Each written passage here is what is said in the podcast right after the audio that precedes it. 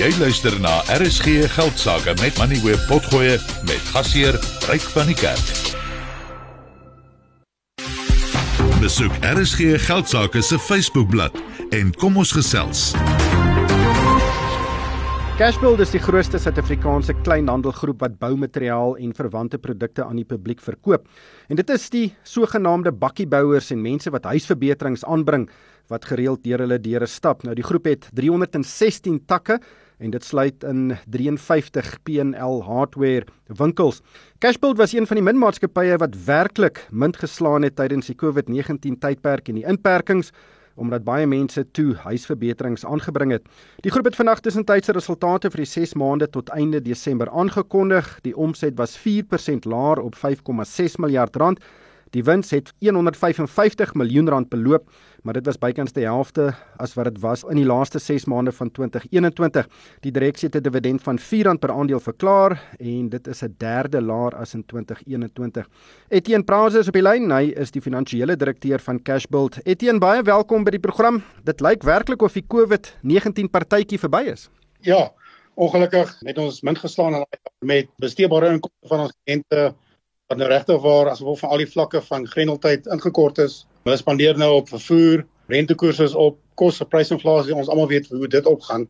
So ja, daai tyd is verby en uh, die mark heidaglik is baie moeilik daar buite. Ek het in julle resultate gelees dat julle nie so bekommerd is oor beerdkrag nie. En dit is sekerlik uit die aard van julle bedrywighede, maar ek het ook gaan kyk op julle webwerf en dit lyk nie of julle werklik fokus om produkte aan kliënte te verkoop om beerdkrag hok te slaan nie, soos byvoorbeeld kragopwekkers nie. Is dit die geval en indien nie, is dit nie dalk 'n geleentheid nie?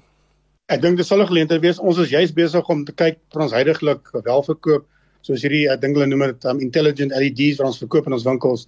Dit uit te brei dat ons kragopwekkers gaan dalk een van hulle wees, maar weer eens ons kyk na ons mark, wat ons mark regte waar kan bekostig heidaglik. Kragopwekkers sal op die lys wees. Ons gaan ook kyk na spesifieke inverters van die goedes gaan in die winkel beskikbaar wees, maar baie van die produkte gaan slegs op die e-commerce lyn beskikbaar wees as gevolg van die kliënte wat daai tipe goederes kan bekostig. Maar jy's reg, daar is geleenthede en ons is duidelik besig om daarna te kyk om dit uit te brei. Hoe groot is julle aanlyn besigheid? Ek kan weer sê dat die syfers verdubbel elke keer as ons daarna kyk, maar die persentasie van verkope wat bydra is heidaglik nog minder as 1%, so in die bedryf van hardeware is dit nie regte waar 'n groot bydraende faktor tot, tot verkope nie. Ons het hierdie geleentheid daar om vir mense wat dit wel wil doen na ure en afgelaai word by die huis, maar dit maak nie 'n groot persentasie van ons besigheid nie. Dan ons het nou gesels oor julle bedryfsvertoning waar daar winde teen waai en ek dink dit waai ook teen meeste ander besighede. Ek het gekyk na julle balansstaat en daar is nie enige skuld op julle balansstaat nie. Daar is ook 1,7 miljard rand se kontant in die bank. Is hierdie balansstaat nie 'n bietjie lui nie? Ons kry daai stelling ook so ja, as jy daarna kyk, dit kan so in word, maar mens moet onthou dat, direk na ons maandeinde sluiting in Desember het ons op die einde van Desember ons verskaf dit wat 'n groot gedeelte van daai syfer weg. En dan ons het hierdie raad bespreek dat ons 'n uh, komponent van kontant wil behou en ons kyk nog steeds na geleenthede wat in die mark dalk kan opkom om ander by oor te koop soos ons in die verlede probeer het met the building company. Toe ons laas gesels het, het jy gesê julle ervaar logistieke probleme, julle sukkel om sekere produkte in die hande te kry, veral wat ingevoer word. Is dit nog steeds 'n probleem vir julle?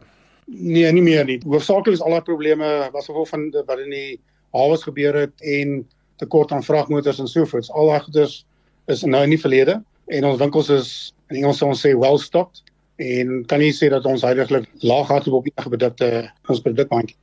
Etienne, watter produkinflasie ervaar julle? In die laaste 6 maande waarop ons rapporteer, was ons produkprysinflasie 4.5%. En dis laer as wat dit was toe ons 6 maande terug gekyk het, toe dit op 7% gestaan het. Maar ons verwag dat dit nou in die toekoms weer gaan optel asof van sementverskaffers wat hier in Januarie en Februarie dubbelsyfer verhogings gegee het op hulle produkte. Ja, sement is 'n groot deel van julle besigheid. Hoeveel sement verkoop julle gemiddeld? In totaal is dit omtrent 23% van ons omset. 23. So, 23%, ja. Dit is wesentlik.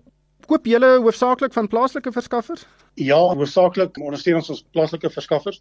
Ons het op 'n stadium in die Wes-Kaap, omdat daar net een verskaffer was, het ons invoerprodukte wel verskaf deur ons winkels, maar heidaglik is dit slegs Suid-Afrikaanse verskaffers. Wat is julle strategie nou want dis baie duidelik dat die ekonomie byt. Mense kan dit sien in omtrent elke ekonomiese aanwyser wat bekend gemaak word. Die vervaardiging en veral die konstruksiesektor is onder geweldige druk. Ek sien die aantal winkels wat julle steeds het in bestuur staan stil rondom hierdie 316 320 vlak. Hoe benader julle hierdie markomgewing op die oomblik en voorsien jy dat dit dalk kan verander soos wat hierdie jaar aanstap? Interne het ons gefokus op behou en groei ons markandeel. So ons het verskeie projekte wat ons identifiseer het waarop ons nou gaan fokus om seker te maak dat ons kan die markandeel groei. En ek kan nie te veel uitlei nie, maar op een van die dae dis fokus op om baie meer kompeterend te wees, om meer kliënte gefokus te wees en dan ook om te kyk na ander aangeleenthede en ander tipe markte waar ons heidaglik nie fokus nie om seker te maak dat ons die besigheid weer vorentoe kan vat. Want hoe ons in die verlede gekompeteer het, werk net wenig so goed in die huidige mark soos ons Afrika heidaglik beleef nie. Wat is julle markandeel? Statistiek is moeilik om in die hande te kry, maar ons glo as ons kyk na sement produksievlakke en ons verkope, dink ons ons is tussen 17 en 20% markandeel van die totale mark. Dis nou nie wenig van die geregistreerde maatskappye nie, dit sluit ook die ongeregistreerde independents soos ons hulle noem daar buite. Dan net laastens, ek sien julle gaan so wat 240 miljoen rand bestee om aandele terug te koop en dit is so wat 5% van julle markwaarde. Dit is altyd 'n interessante besluit want die ander opsie is om die kontant aan aandeelhouers deur 'n spesiale dividend terug te gee. Hoekom het julle die terugkoop opsie gekies? Ons beleggers het van tyd tot tyd vir ons sê hoekom doen ons die, die terugkoop opsies nie? Op daai stadium was ons bekommerd oor likwiditeit van die aandeel en die spesifieke persoon by wie ons die aandele terugkoop, dis ons vorige bestuurende direkteur en hy het 10% gehou nou al 20 jaar lank. So om 4% van die aandele terug te koop van 'n persoon wat nie likwiditeit gaan affekteer nie, het vir ons baie meer sin gemaak en dit is ook 'n goeie manier om waarde vinnig terug te gee aan aandeelhouers. Etienne, baie dankie vir jou tyd vanaand. Dit was Etienne Pause, hy is die finansiële direkteur van Cashbuild. En daarmee het die tyd ons ingehaal. Baie dankie aan Johan Gous, hy's hoof van adviesdienste adviesdienste by Sas van Wealth. Hy was saam met my in die ateljee. En dan kan luisteraars die potgooi van die program 'n bietjie later by moneyweb.co.za en op ons slimfoon toepassing aflaai. En daarmee groet ons van Palesa Matlala, Pieter Botha en Kokreer en vir my ryk van die kerk. Dankie vir die saamluister en hierdie program is aan jou gebring deur Absa. Jy kan aanlyn na Absa skuif en 'n business evolve rekening oopmaak.